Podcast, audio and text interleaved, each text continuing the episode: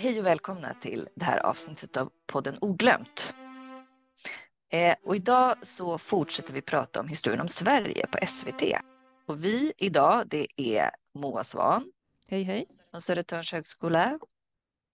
Det är Ulla Mans, också Södertörns högskola. Hejsan. Och det är jag, Li Kolker, från Historiska museet.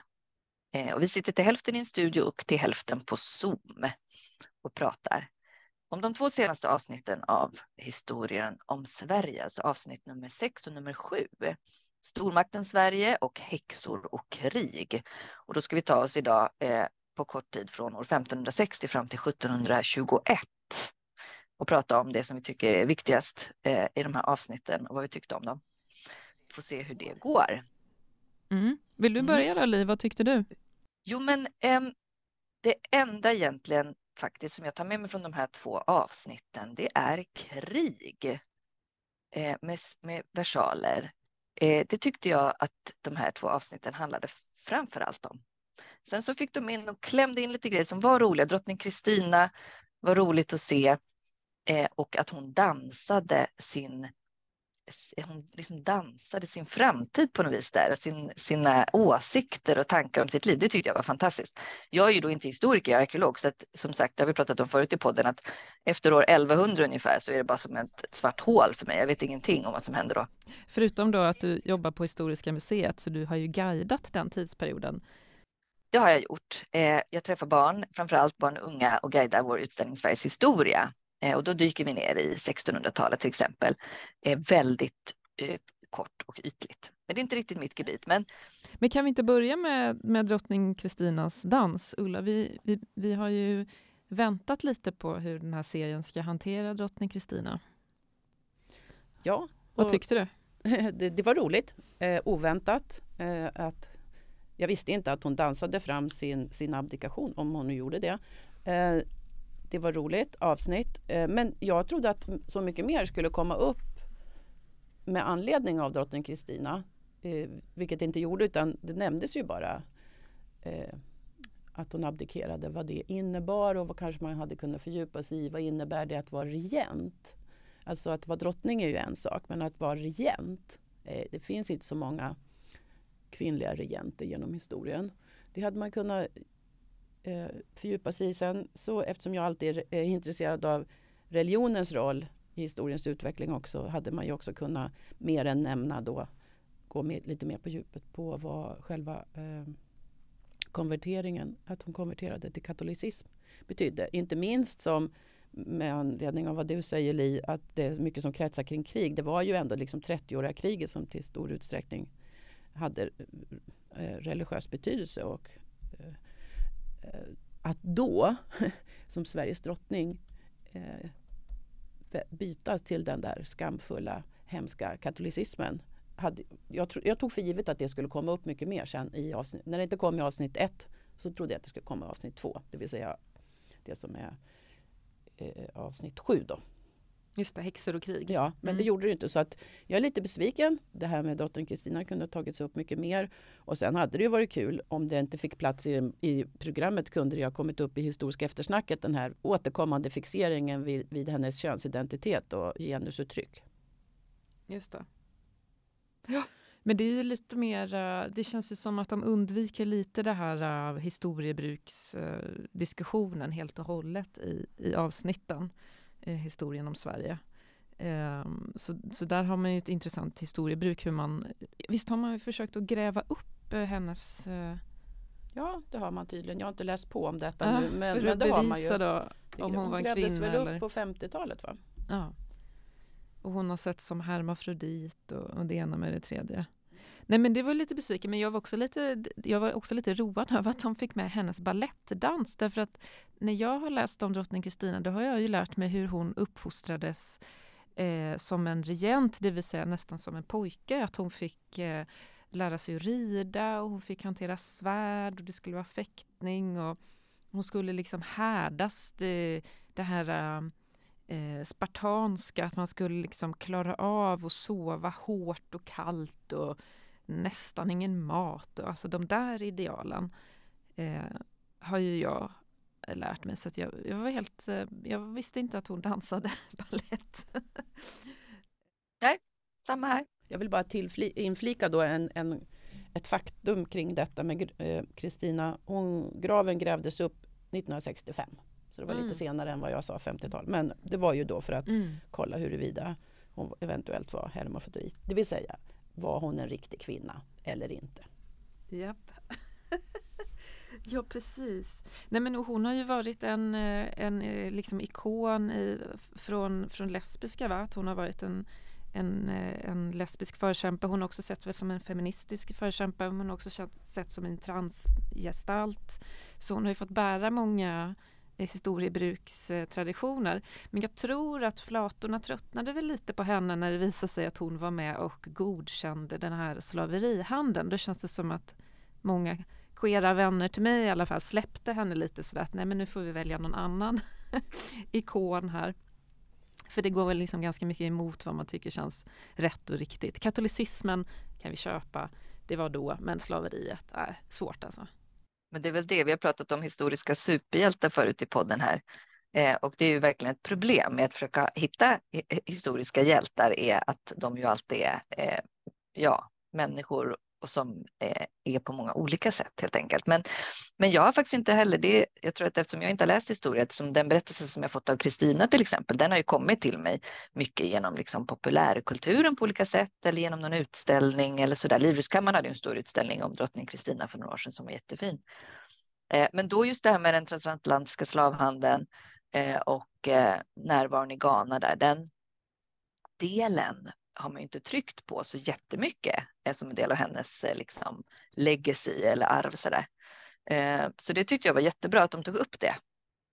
Och att de gav ganska mycket tid åt det tyckte jag ändå med tanke på de här avsnitten som är en timme och det ska klämmas in en herrans massa grejer. Så var det ändå ganska mycket utrymme som lämnades åt det. Det tyckte jag var bra. Och en tydlig skuldbörda som en del kan säga är liksom lite lite typiskt för vår samtid att vi vill um, döma historien, vems fel och uh, vad som var rätt och fel. Men, men här tycker jag helt klart att det är rimligt att säga det här är Sveriges del. Så det tyckte jag de gjorde väldigt bra, att de till och med säger rent ut, det här är en kort, en, eh, en kort historia i, i Sveriges hela historia, men nog så viktig och absolut viktig att inte eh, hoppa över att berätta om och det är det som är det viktiga i, i hela det avsnittet tycker jag. Att man så här, eh, inte hoppar över det helt enkelt. Det är ett historiebruk som är lite rad ett radikalt grepp. Men var det inte också lite imponerande att de verkar ha tagit sitt filmcrew och tagit med sig sin programledare och åkte dit också och filmade i Ghana? Jag vet inte om jag tycker det är imponerande. Det är säkert jättekul att få åka till Ghana i jobbet. Men, men det är ju ett väldigt frågan, klassiskt, det är ett väldigt klassiskt grepp att vara på det, jag kommer inte ihåg vad det stället heter nu, men där de skeppades ut och förvarades. Det är ju fruktansvärda bilder och eh, eh, någonting som används i många olika eh, program. Eh, utländska program också. Och jag tycker det är bra att de gör det och att de trycker så hårt på det och att det tar jag blev förvånad över att det togs upp så allvarsamt och eh, inte bara blev en liten parentes. Mm. Ja, du var inte lika lättimponerad som mig då? Nej, Nej. Det, tycker jag, eh, det, det, tycker jag, jag tycker det var väldigt bra gjort. Ja. Men jag tycker att jag kan förvänta mig det som en människa från 2020-talet. Håller verkligen med jag tycker de gör det bra att de, ur mina ögon sett, så lyckas de förmedla en liten del ändå av den fasa som måste ha upplevts på de här platserna. Och det tycker jag också de lyckas med i både det ena avsnittet och även i det andra avsnittet när de skildrar kriget, alltså krigets fasor. Så jag är lite, lite imponerad, även om jag kan hålla med om att det kanske blir väldigt mycket krig. Men å andra sidan var det ju 30-åriga kriget och sen kom det nordiska kriget så att det var ju ett krigs, en krigshärjad period. Annars hade ju inte Sverige blivit stormakt. Men, men jag tycker att jag är lite imponerad av deras förmåga att skildra faserna. Och likadant när det kommer till häxbränningarna, där var jag lite orolig. Hur ska det här gå nu? Eh, i, I gestaltning och dramatisering och, och, det var ju lite väl dramatiskt. Men, men faserna som de här kvinnorna upplevde också så återkommer med samma, att, att, att det verkligen jag tycker de lyckas förmedla faserna som individer som sen bara försvinner i historieskrivningen måste ha känt. Och att de också pratar om dimensionen av hur många det var som inte kom tillbaka från kriget, dimensionerna av hur trångt det var i de här rummen som eh, de svarta människorna som var tillfångatagna som skulle bli slavar och skeppas ut, hur, hur trångt de hade det. De, de liksom lyckas där tycker jag. På ett bra sätt som, som eh, gör att det inte bara är den traditionella historiens huvudpersoner som kommer fram. Utan faktiskt alla de andra som aldrig lämnar något spår efter sig kommer fram. Ja, men jag håller med. Och det var det som jag tog med mig från de här båda avsnitten i fasan, tror jag. Eh, och liksom ångesten och sorgen och smärtan och lidandet. Eh, så. Och då eh, tänker jag på ett sätt att det känns som en, en, en väldigt traditionell historieskrivning som handlar om att det var för jävligt förr och nu har vi styrt upp eh, våra liv och vårt samhälle med liksom någon sorts institutionaliserad omtanke och så där. Så att det inte ska leda liksom till det här. Eh, och, och, och det känns på ett sätt lite traditionellt men samtidigt bra. Jag blir också väldigt berörd eh, av de här faserna som, som, av kriget som skildras. Och så är det ju så att vi som tittar på de här två programmen så är det ju så att vi har ända sedan 7 oktober matats av fasansfulla bilder av helt hjälplösa människor som är instängda och bombas. Det är massor med barn. Det är nyfödda i kuvöser som inte klarar sig och liknande som jag tror att man kopplar till när man ser det här. Eh, så att det här eh, historiska att det var mycket hemskare förr än vad det är idag. Jag tror det är väldigt många som kan titta idag och tänka att fy fan, det har inte hänt någonting. Vi har inte blivit något bättre alls på att skona människor och, ha, och se till att alla har det bra. Mm. Jag fick ju verkligen en aversion mot eh, krig, eh, större än vad jag någonsin hade innan när jag såg det. Jag kände så här, just det, precis. Det här ska undvikas till varje pris Eh, en situation där människor behöver lida av krig. Eh, och jag fick också en känsla av att nu vill vissa kungar, och vi pratade om Karl XII och Gustav II Adolf som faktiskt red liksom först i ledet bland sina trupper när det var dags att gå ut och kriga. Eh, och det kanske man kan tänka som någon sorts ändå så här, ja det kanske var bra då eller, eller att man hängde med ändå och fick utstå saker som en soldat. Men, men annars så känns det som att de som leder och styr under de här tidsperioderna, de har ju överhuvudtaget inte människors bästa för ögonen. Alltså det, de beskrivs, tycker jag, som väldigt beräknande, som väldigt eh, liksom distanserade från människors situation. De här bilderna när man tar ut soldater i krig och det står någon eh, Eh, människa med stenansikte eh, och pekar liksom du och du i den här eh, stackars lilla byn. Och så beskriver de också hur, då hur man, i alla fall i början, helst tog ut folk som inte ägde så mycket, alltså på, som hade små egendomar och lämnade dem hemma som hade stora egendomar, för då var det mera garant att skatten skulle rulla in till kronan från de här större hemmarna. Så att man tog de allra fattigaste och skickade ut i kriget för att man skulle eh, garantera sin egen inkomst. Sådana saker fick mig att tänka att jaha, det är det de, folk, de som styr och som hetsar mot krig, det är, det är det som är deras liksom, identitet. Det är den här liksom kalla, distanserade, själviska, giriga. Eh, så där var det som att eh, de tog, ja, de liksom berättade en berättelse om eh, de som styrde i Sverige då, som jag tyckte var inte så smickrande direkt. Men eh, det är väl den här eh, vad ska man säga, maktkritiken där också, att eh, samhället styrs, eh, styrdes uppifrån. Eh, men det som du pratar om Ulla är ju det här, ja, men det har ju inte blivit bättre. Eh, att utsattheten och den här totala maktlösheten i krig är ju på något vis samma oavsett tidsperiod. Även om det är bomber av skrot eller om det är bomber som är liksom högteknologiska så är det precis samma maktlöshet och utsatthet för vanliga människor. Precis. Så är det och jag tycker att det, de där historiska parallellerna, parallellerna är ju tydliga därför att det du pratar om Li, det går ju till på precis samma sätt idag. Man kallar in personer till värnplikt. Det är din plikt att tjänstgöra. Och har du gjort lumpen så har du också eh, en plikt att att ställa upp då. Mm. Eh, och som sagt, man räknar ju med att vissa stora grupper är så kallad kanonmat fortfarande. Mm.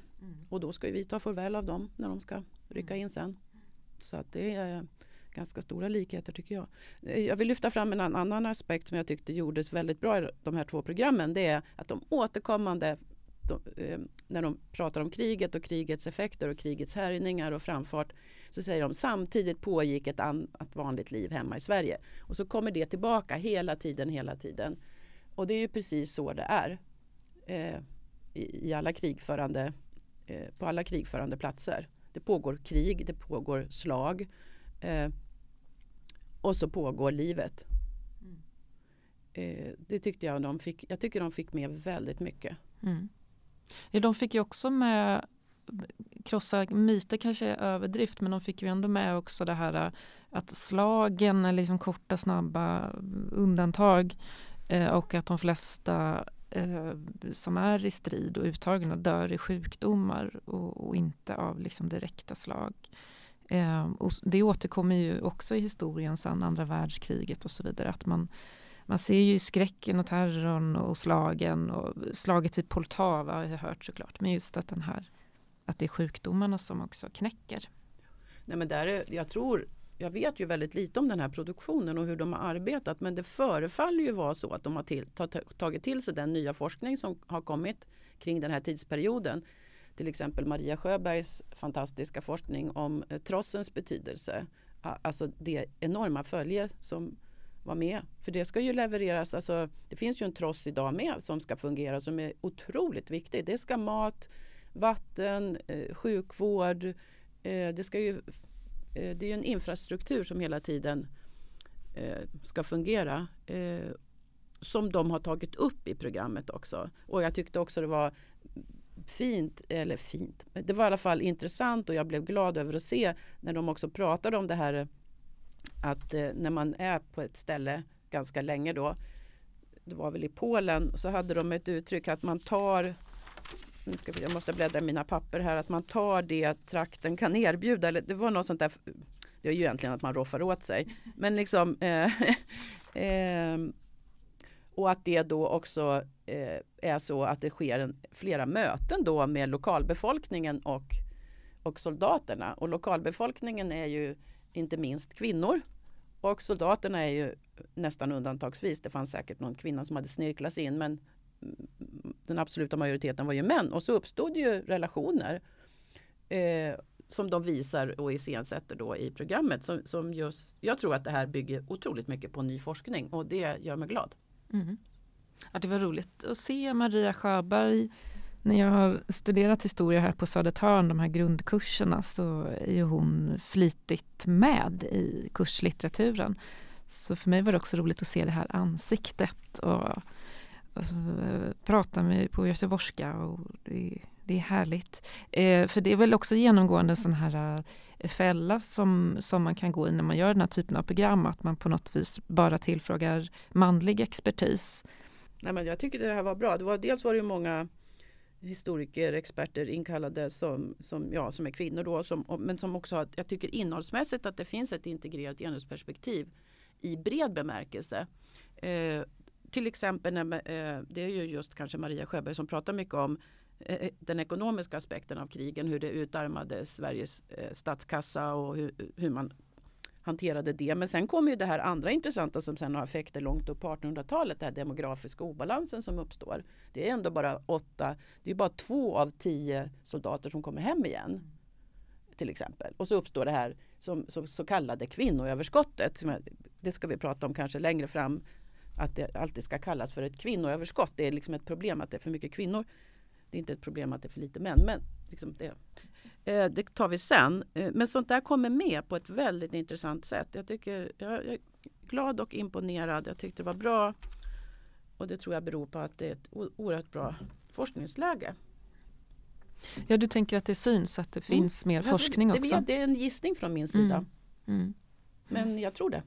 Det här uttrycket jag letade efter, det här när man är i fält i främmande land. Det är ju det här, man lever på vad trakten har att ge. Och det problematiseras ju och kommenteras på ett intressant sätt tycker jag i eftersnacket sen också i del två då. Eh, I det andra avsnittet om, om stormaktstiden. För det är ju att man, man förväntar sig, eller man plundrar ju, eller man förväntar, eller plundrar kanske man inte gör, men man, man tvingar ju lokalbefolkningen att, att bidra med det de har och så får de, hamnar de i armod istället. Just det. Men där har de ju någonting som man kallar för en innovation, den här uh, hårda skorpan som kommer lite senare. Ja, den kommer ju senare. Men en, bara för att fortsätta det här med det integrerade genusperspektivet, det tycker jag också är intressant. Eh, för avsnittet slut, del, sista avsnittet av stormaktstiden slutar ju med att det är ju faktiskt ett fåtal män som kommer hem igen då. Men de blev ju dödförklarade efter ett år och så kunde eh, änkan då, eller få status att vara änka. Och, och, då var hon ju tvungen att gifta om sig för att inte förlora sitt, sitt boende och sådär. Och så kommer ju den här mannen hem. Och sen avslutas ju avsnittet på ett jätteintressant sätt. Att det avslutas öppet. Man vet ju inte vad som händer. Och så kommenterar de ju det sen i eftersnacket. Vilket ju är jätteintressant fenomen som ändå skedde och uppträdde och som var eh, oerhört komplicerat. Ja, du menar, nu får du förklara, du menar alltså att de kunde skaffa sig en ny man och så kommer man, deras första man ändå hem? Ja, alltså de som mm. var, bodde i sådana här soldat torp då. Eller andra boenden för det var ju, boendet var ju relaterat till deras militära rang. Men eftersom åtta av tio soldater aldrig återvänder så är det ju många kvinnor som blir utan man. Och då blir ju eh, männen dödförklarade och jag tror att det var efter ett år. Jag vet inte. Och då kan man ansöka, tror jag, jag kommer nu inte helt ihåg, till domkapitlet om att få gifta om sig. För att om de, de, i och med att de blev änkor så förlorar de bostaden. De var ju eh, soldathustrur. Men om de gifter om sig så har de ju, de måste ju trygga sin försörjning och sitt, sitt leverne. Och då uppstår ju en otroligt komplicerad situation om mannen eller maken kommer tillbaka. Och så avslutas ju det sista avsnittet om stormaktstiden och det är spännande att de låter det sluta öppet. Vi vet inte hur det löses då. Men det är en komplicerad situation som eftersnacket sen tar upp och pratar om. Just det, så moraliskt problematiskt på olika sätt. Ja, känslomässigt och det är ju problematiskt på väldigt många sätt. ja, men här har de ju ändå valt att ta med lite mera vad ska man säga, känslor och relationer, att det inte är så himla distanserat och ja, just att det människor förmodligen hade känslor. Även om det ibland kan... Nej, men jag tänker ibland kan det se ut som att, att, eh, att man inte hade känslor på, på 1600-talet eftersom att lagarna, som är det man nästan ofta har att gå på, är så otroligt omänskliga. Fast å andra sidan verkar det ju bara vara känslor. Häxprocesserna till exempel, mm. som blev den här masshysterin. Det blev lite konstigt där i, i programmet hur de förklarade det. För sen, det, det, det förklarades med att Ja men sen tyckte man att det hade gått för långt. Man tröttnade på det här och sa nu får ni sluta med det här och då slutar det. Det, det var lite förenklat. Jag hade gärna sett att de hade borrat mer i det eftersom de valde att ta upp det. Och sen är det en annan aspekt om det här med häxprocesserna som aldrig kommenterades och det var att det, det förklarades ju att det ofta är barn som pekar ut kvinnor eh, som berättade olika fantastiska historier om hur de hade sett de här kvinnorna träffa djävulen och ha sex med djävulen och allt möjligt. Äta barn och vad det nu var för någonting. Men det kommenterades aldrig. Vad tror forskningen att barnen hade fått det här ifrån då? För, för det börjar, allting inleds med att man säger att när soldaterna kom hem från krig då hade de med sig sådana här historier. Och det första avsnittet som stormakten skildrar ju en kvinna som blir anklagad för häxeri, hon som är på den här tavernan som återkommer i berättelsen hela tiden. Men hon klarar sig ju. För att hon, ja, vet inte varför hon klarar sig nu. Hon blir frikänd i alla fall. Men, men det är ju ett glapp där att å ena sidan säger man att soldaterna för med sig det här hem. Men å andra sidan är det barn som kan fabulera de här historierna. Och sen är det också barn som drabbas. För att det är de som har spridit det här. Mm. Och sen säger man, men sen tyckte man att det hade gått för långt och så sa staten att nu får ni sluta med det här och så slutar de med det. Det är en alldeles för enkel berättelse. Ja men absolut. Men det, det kom väl liksom lite bort eh, i, i häx, häxavsnittet för att det är så, handlade så otroligt mycket om krig. Jag tänker liksom som vi, vi har kanske pratat om det lite tidigare också, du Ulla som är också idéhistoriker och liksom eh, jobbar med just det här, vad, vad händer i ett samhälle och inuti människor eh, mycket. Eh, det är väl, och det kanske är svårt att komma åt på tv, inte vet jag, men just det där liksom psykologin bakom häxprocesserna eh, till exempel, där jag satt och fantiserade själv som inte kan så mycket, tänker så här, ja men här är en nation som är helt manglad av krig och svält och elände och en befolkning som av sina egna styrande har blivit behandlade som liksom skrutt eh, i, i flera hundra år. Eh, och då händer det här sen. Ja, men liksom bristen på empati, bristen på omtanke, bristen på sammanhållning i samhället, att man har spelat ut människor mot varandra, och man har liksom söndrat dem och skickat ut dem i krig och så här. Och så kommer det här. Och så frågade jag dig Ulla och du sa så här, nej men det, jag vet, vet inte, tror inte det, liksom, utan att det handlar om andra processer och andra liksom, psykologier. Men då skulle jag vilja veta det, så hur kan det här hända? När man pratar om andra sådana här förskräckliga det här är inte långt ifrån ett liksom folkmord eller jämföra med det, men liksom skräckliga händelser där grannar vänder sig mot varandra och de här barnen. Hur sjuttsingen liksom, eh, hanterar man det? Och vad händer med de barnen efteråt, förutom att de här blev ihjälslagna då, de här två visgossarna i, eh, i Torsåker där. Men liksom, vad händer med människor? Vad händer med befolkningen och sammanhållningen och eh, sådär? Men det tar man liksom inte upp så mycket, utan det är just det är mera baserat på den här liksom, lite mer klassiska, tänker jag, historieberättandet. Eh, och det tycker jag var lite synd. Skulle väl haft mer av psykologi. Sociologi. Men hade det haft ett större fokus på kulturhistoria så man hade kanske fördjupat sig mer i de här fenomenen som att det var missväxt, det var lilla istiden, eh, misär, många dog vad det har för betydelse för att, person, att människor försöker överleva. Alltså vad, vad är effekterna av eh, att stora grupper försöker bara överleva eh, och haft kanske någon som satt och resonerade om det eller uttalade sig så, så hade det kanske kommit med mer men nu gör det ju inte det. Mm. Ja, men ibland så finns det ju också förklaringsmodeller som är väldigt sådär eh, materiella. Anna Lihammers har ju skrivit en deckare som utspelar sig på något som liknar en sån här polarresa eh, som är liksom inspirerat av att de åt, eh, vad ska man säga, vad heter det, såna här eh, burkar, eh, burkmat. Och så blev de blyförgiftade och så blev de galna och så började de äta upp varandra. eh, jag tänker också då matbrist till exempel. Folk måste ju också bli, blivit kanske lite ja, men lite knäppa kanske. Om man inte äter ordentligt så kanske det också händer saker i hjärnan som blir ehm, ja, att man inte fungerar så bra helt enkelt.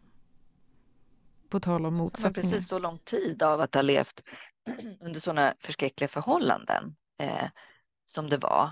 Eh, vad det gör med liksom människor och det kan man ju se om man pratar om andra världskriget exempelvis och så där så pratar vi ju mer om det då. Vad, hur kommer det sig att människor börjar ange sina grannar eller hur kommer det sig att liksom människor plötsligt kan tycka att en viss sorts människa är värd lika mycket som råttor medan andra är värda liksom lika mycket som en själv och så där.